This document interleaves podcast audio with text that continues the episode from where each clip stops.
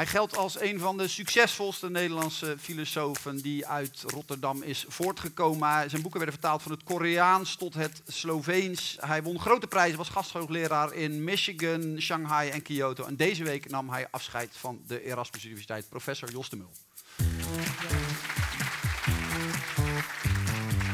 Goed dat je er bent, Jos. Leuk.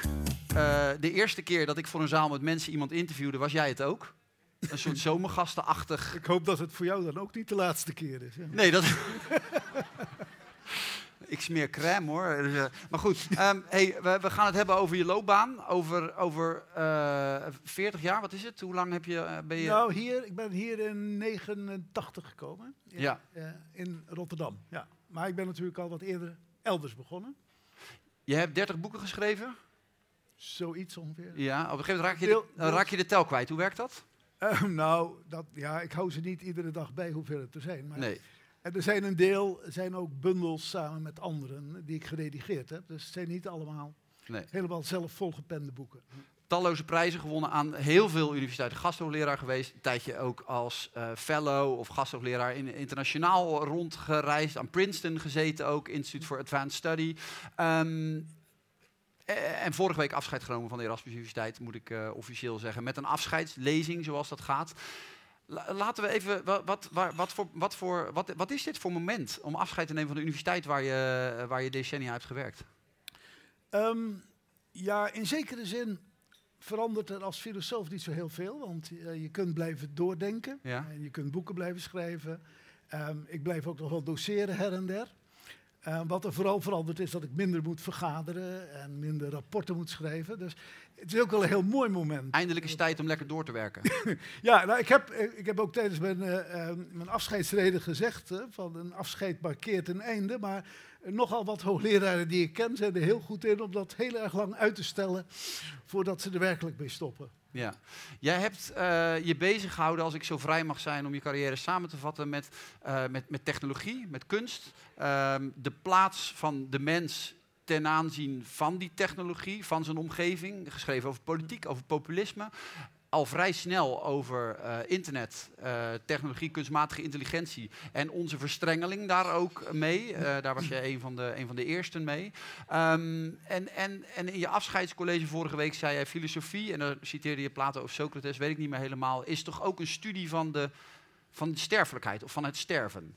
Ja, is, is dat waar het uiteindelijk allemaal in samenkomt? Mm, nou ja, het is natuurlijk een aspect wat, waar ieder vroeg of laat mee te maken krijgt. Hè. Eerst al bijvoorbeeld dat je ouders overlijden of vrienden, bekenden. En uiteindelijk moet je dat zelf ook onder ogen zien. Vandaar dat uh, het een thema is wat altijd een belangrijke rol heeft gespeeld um, in, de, in de geschiedenis van de wijsbegeerte. Niet alleen in het Westen, maar ook in veel andere culturen natuurlijk. En ja, mijn leerstoel was wijsgerige antropologie. Dat wil zeggen de tak van de filosofie die zich die reflecteert op wat het is om mens te zijn. En dan komt dit aspect natuurlijk. We zijn geboortelijk, dat is ook een heel interessant thema en dat, uh, dat komt straks ook nog aan de orde. En dat betekent ook dat je in een wereld wordt geworpen die er al is. Hè, met een, in een cultuur die er al is, een taal die er al is. Dat is heel, dat is heel apart. Hè. Bedoel, dat is anders dan wanneer je onsterfelijk zou zijn. En er is ook een einde aan. En die twee aspecten zijn heel belangrijk voor mensenleven. Dus. Um, je noemde een paar thema's waar ik me mee bezig heb gehouden. Het is, zo, ja, het is een heel breed veld mhm. natuurlijk mm -hmm. met de mens. Want um, in feite komen ook alle andere vragen van de filosofie. Bijvoorbeeld, wat, wat kunnen we weten? Wat moeten we doen? Hè? Ethische vragen. Of wat mogen, wat mogen we hopen? Uh, is er iets na de dood? Is er, uh, is er, zullen we ooit in vrede leven op aarde? Noem maar. Mm -hmm. Dat soort vragen. Die uh, komen toch allemaal op een bepaalde manier terug op de vraag: wat is het om mens te zijn? En wat kunnen mensen bereiken? Wat kunnen ze niet bereiken? Wat is mensen mogelijk? Ja, ik vroeg jou in aanloop op dit gesprek: wat is nou van die boeken die je hebt geschreven, uh, het boek dat je het meest na aan het hart is? En toen zei je dat is de domesticatie van het noodlot. Ja, in, in zekere zin wel. Uh, tragiek is. Ga je nou terugkrabbelen? Nou, ik heb in dat gesprek ook gezegd, dat voorgesprek, ik mag het uh, publiek ook wel wel ja, vertellen, ja. denk ik. Ja. Um, het ligt er een beetje aan um, vanuit welk perspectief. Um, ik, heb, ik heb hele academische boeken geschreven en dan, dat kun je kijken, die bij internationale uitgevers uitkomen. Je kunt zeggen, dat is heel... En als een boek dan veel geciteerd wordt, nou, dat is een iets om ehm, eh, met plezier naar te kijken. Maar ik heb ook eh, meer journalistieke stukken geschreven in kranten. Dat vind ik toch ook heel belangrijk. Want eh, je schrijft niet alleen voor vakgenoten als filosoof. De proof of the pudding is toch ook het publieke debat bijvoorbeeld. Mhm. Ik bedoel, als je arts bent, dan is de proof of the pudding of je mensen beter kunt maken of kunt voorkomen dat ze ziek worden. Voor filosofen is dat toch ook de publieke ruimte. En filosofen hebben altijd meegedacht over hoe je de werkelijkheid moet inrichten, hoe je politiek moet bedrijven, et cetera.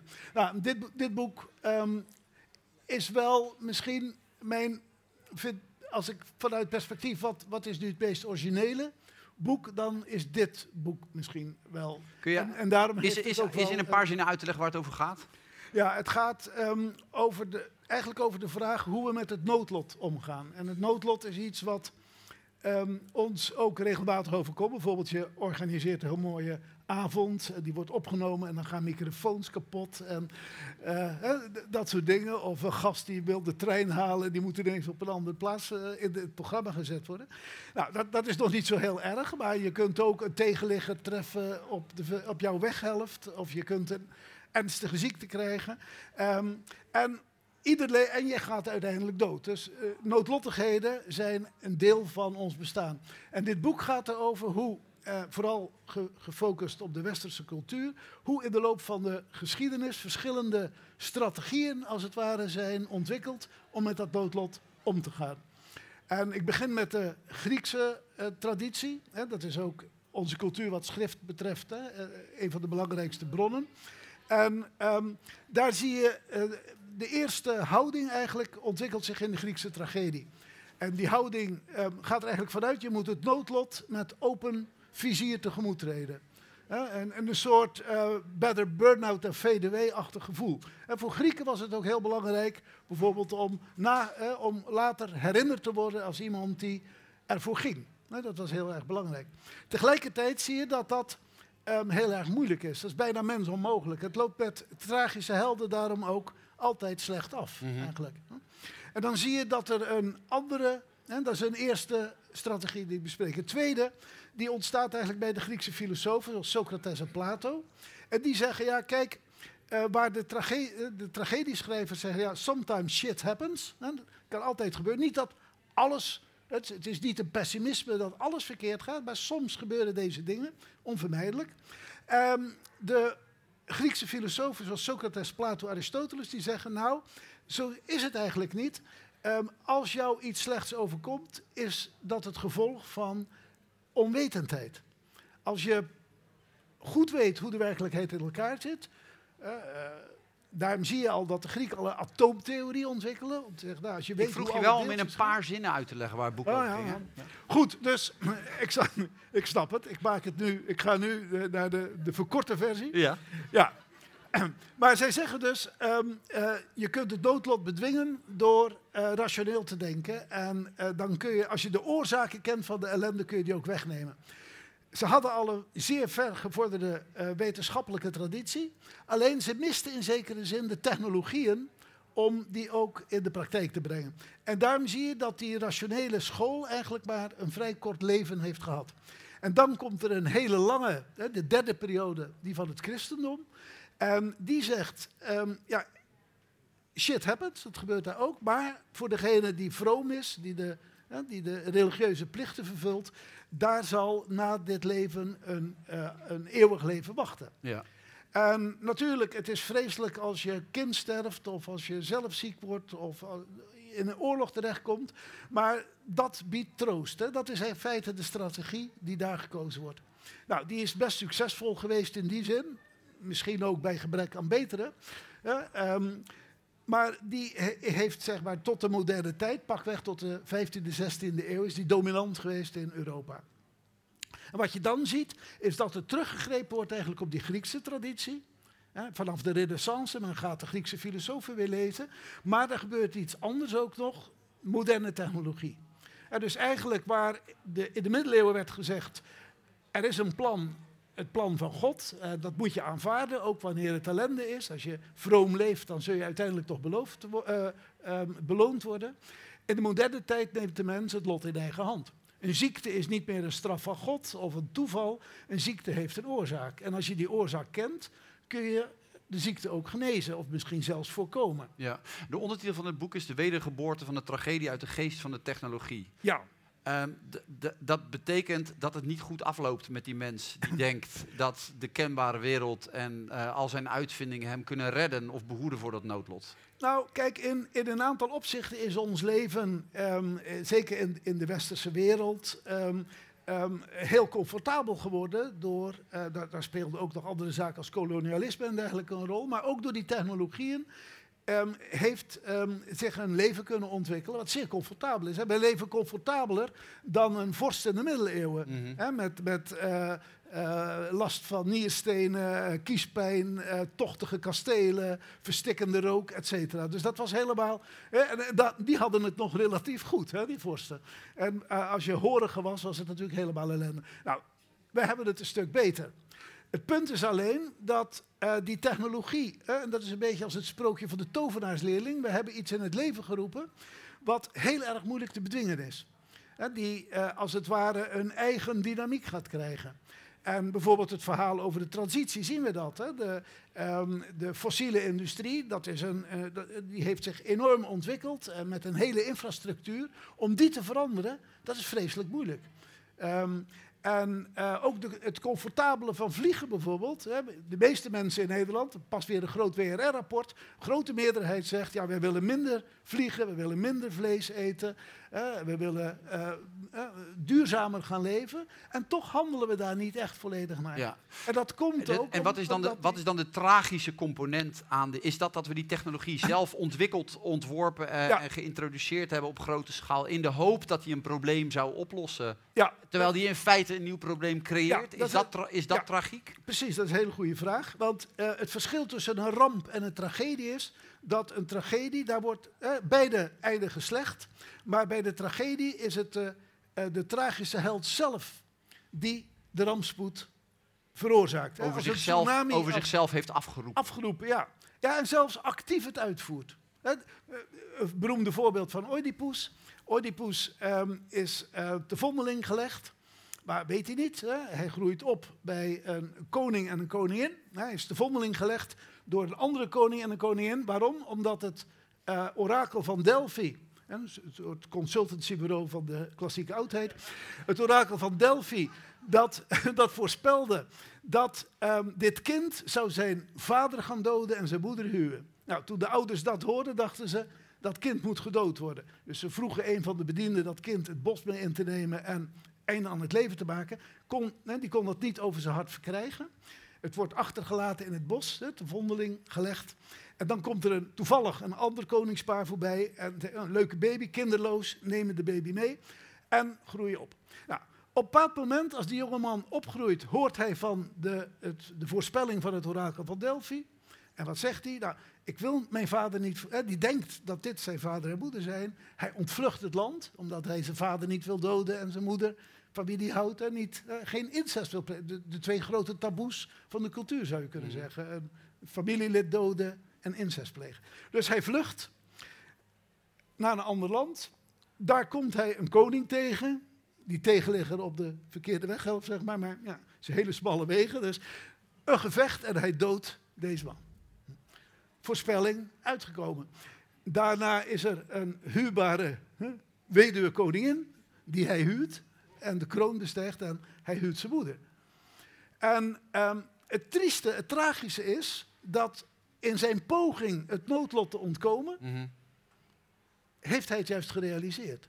En dat is het noodlot van alle tragische helden. En je kunt ook zeggen, we hebben technologie gecreëerd om problemen op te lossen, om te zorgen dat iedereen te eten heeft, dat we ons snel kunnen vervoeren, ja, hè, dat we makkelijk kunnen communiceren. Prachtig allemaal. En tegelijkertijd blijkt eigenlijk, blijken we daarmee ook noodlottige fenomenen in het leven te Ja. hebben geroepen. Dat he- het heeft een, het, eh, een hoogmoedigheid.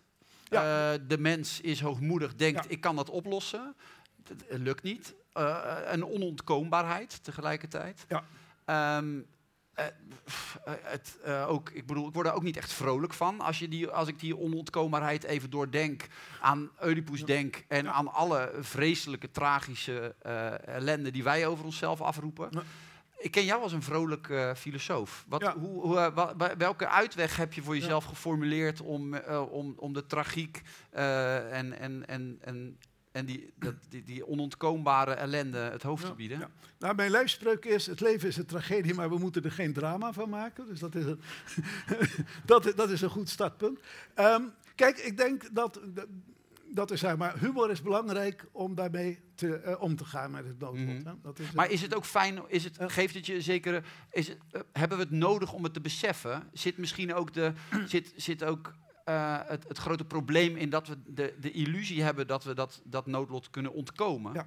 Nou, twee dingen. Kijk, eh, tragisch wil niet zeggen pessimistisch of fatalistisch. Mhm.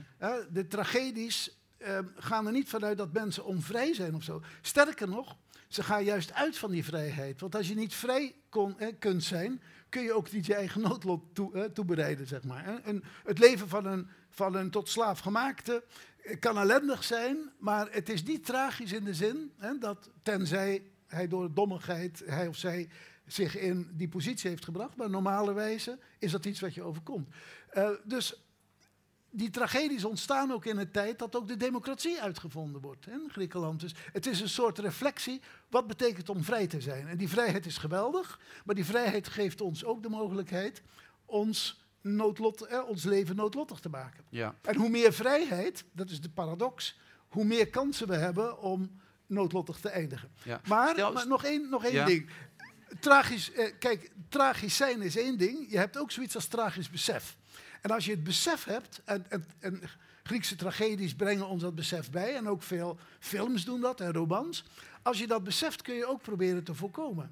En dan kun je denken, misschien moet ik proberen iets minder hoogmoedig te zijn. Of iets minder verblind door mijn eigen gelijk. Of eh, probeer niet te denken dat ik alles precies kan berekenen. En er dan achter komen dat het toch altijd weer net anders uitkomt. Dan kun je een boel ellende besparen. Ja, Ehm, een van de thema's, ik zei het in mijn introductie eventjes, die voor jou een grote rol heeft gespeeld, is de ontwikkeling van het internet eh, en kunstmatige intelligentie. Ehm, even los van de vraag of het jammer is dat je op dit moment afscheid neemt, op het moment dat met name die tweede een enorme vlucht neemt. Hè. Eh, taalmodellen zoals ChatGPT eh, gaan ons de komende jaren eh, nogal wat kopzorgen opleveren. Hoe zouden we ons als, als, als, als, als mens, als beleidsmaker, als politicus, als denker, als individu moeten verhouden tot deze gigantische ontwikkeling? En, en kun je dat antwoord dan Ja. in een minuut ongeveer, want er zit aan de tijd. Ja.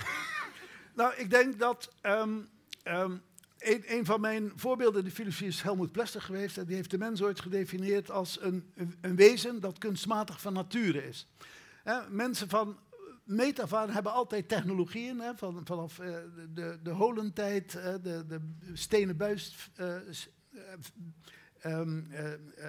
bijlen tot, tot zeg maar internet en atoombommen en dergelijke. We hebben altijd technologieën gemaakt. En ehm, daar kunnen we ook moeilijk aan ontsnappen. En dat is ook geen probleem. Het is wel van belang hoe we ze inzetten. En ehm, met kunstmatige intelligentie, je kunt zeggen, het leven wordt steeds complexer. De samenleving wordt steeds complexer. Zonder computers en ik denk ook zonder kunstmatige intelligentie kunnen we die complexiteit ehm, niet voldoen, in voldoende mate eh, het hoofd bieden. Waar we heel erg voor moeten uitkijken is dat het ons niet ontmenselijkt. En dat gebeurt bijvoorbeeld ehm, wanneer we voorspellende algoritmen gebruiken om ook menselijk gedrag ehm, eh, te sturen. Want normaal is het zo, mensen zijn vrij en daardoor zijn ze ook verantwoordelijk voor hun daden. Dus als je iemand beoordeelt, kijk je wat heb jij gisteren of eergisteren of de dag daarvoor gedaan. Mhm. Je bent daar verantwoordelijk voor en als dat er, eh, betekent dat je een wet hebt overtreden, word je daarvoor gestraft. Wat er gebeurt met voorspellende algoritmen is dat je nu al gaat ingrijpen op mogelijk toekomstig gedrag. En de hele toeslagenaffaire bijvoorbeeld is daarvan een, eh, een goed voorbeeld. Dat er gezegd wordt, eh, je hebt een dubbele nationaliteit, of je kunt ook aan etnisch profileren, et cetera, denken. Dat je op basis van bepaalde correlaties die er zijn, iemand al, als het ware, zijn, ehm, zijn verantwoordelijkheid ontneemt en zelfs in het geval van de toeslagenaffaire, zelfs vrijheden ontneemt. Mhm. Bijvoorbeeld om, eh, als je recht hebt op een subsidie, om die niet te krijgen, omdat je bijvoorbeeld verdacht wordt gemaakt. Als, als dat gebeurt, dan, ehm, dan zijn we heel slecht af. En kijk, kunstmatige intelligentie, ik, ik denk dat die nog steeds vreselijk wordt, wordt, wordt onderschat. Ehm, eh, overschat. overschat, Wordt- Sorry, oké. wordt, wordt overschat. Ehm, een paar jaar geleden was, waren een aantal, zoals nu ook weer Elon Musk en dergelijke eh noodkreten uit. eh, en ondertussen doorgaan met de ontwikkeling Ja, van die ja. Maar als je toch een vraag stelt aan een taalmodel zoals ChatGPT, dan sta sla je toch stijl achterover wat, er, wat, dat, wat, wat, wat daar gebeurt, of niet? Voor, voor dommigheden ook vooral. Echt waar? Ja. Oké. Een paar jaar geleden werd door ehm, eh, ehm, een, een aantal eh, intellectuelen gewaarschuwd eh, dat kunstmatige intelligenties nog deze eeuw ons zouden, eh, superieure intelligenties ons zouden overvleugelen. En uitroeien misschien wel, ja? En uitroeien, Ja. ja. En ik was toen bij Witteman in zijn programma en die vroeg ook, heeft u ook die angst dat superieure intelligenties ons leven gaan overvleugelen? Ik zei, nee, ik heb een hele andere angst. Mijn grote angst is dat inferieure technologieën ons geheel gaan overvleugelen. En daar zitten we al middenin. On that positive note. we gaan zien wat het de komende tien jaar wordt. Eh, overvleugeld en uitgeroeid eh, worden we sowieso, als ik je goed begrijp. Eh, Dan wel door inferieure, dan wel door superieure technologie. Ja, nou ja, tot nu toe is 99% van alle organismen ter wereld die zijn ook weer uitgestorven. En dus mijn, mijn afscheidsreden ging niet alleen over sterfelijkheid, waar je over begon, maar vooral over nu nog veel prangende probleem, uitsterfelijkheid. Ja. Hm, ja. Ja, het is, eh, ik moet nog iemand interviewen, maar ik zou bijna zeggen, we gaan het op een zuipen zetten aan de bar. Maar Jos, ik wil je heel erg danken. Goed dat je was. Geef me Na een groot applaus. Jos de Mul. Ja.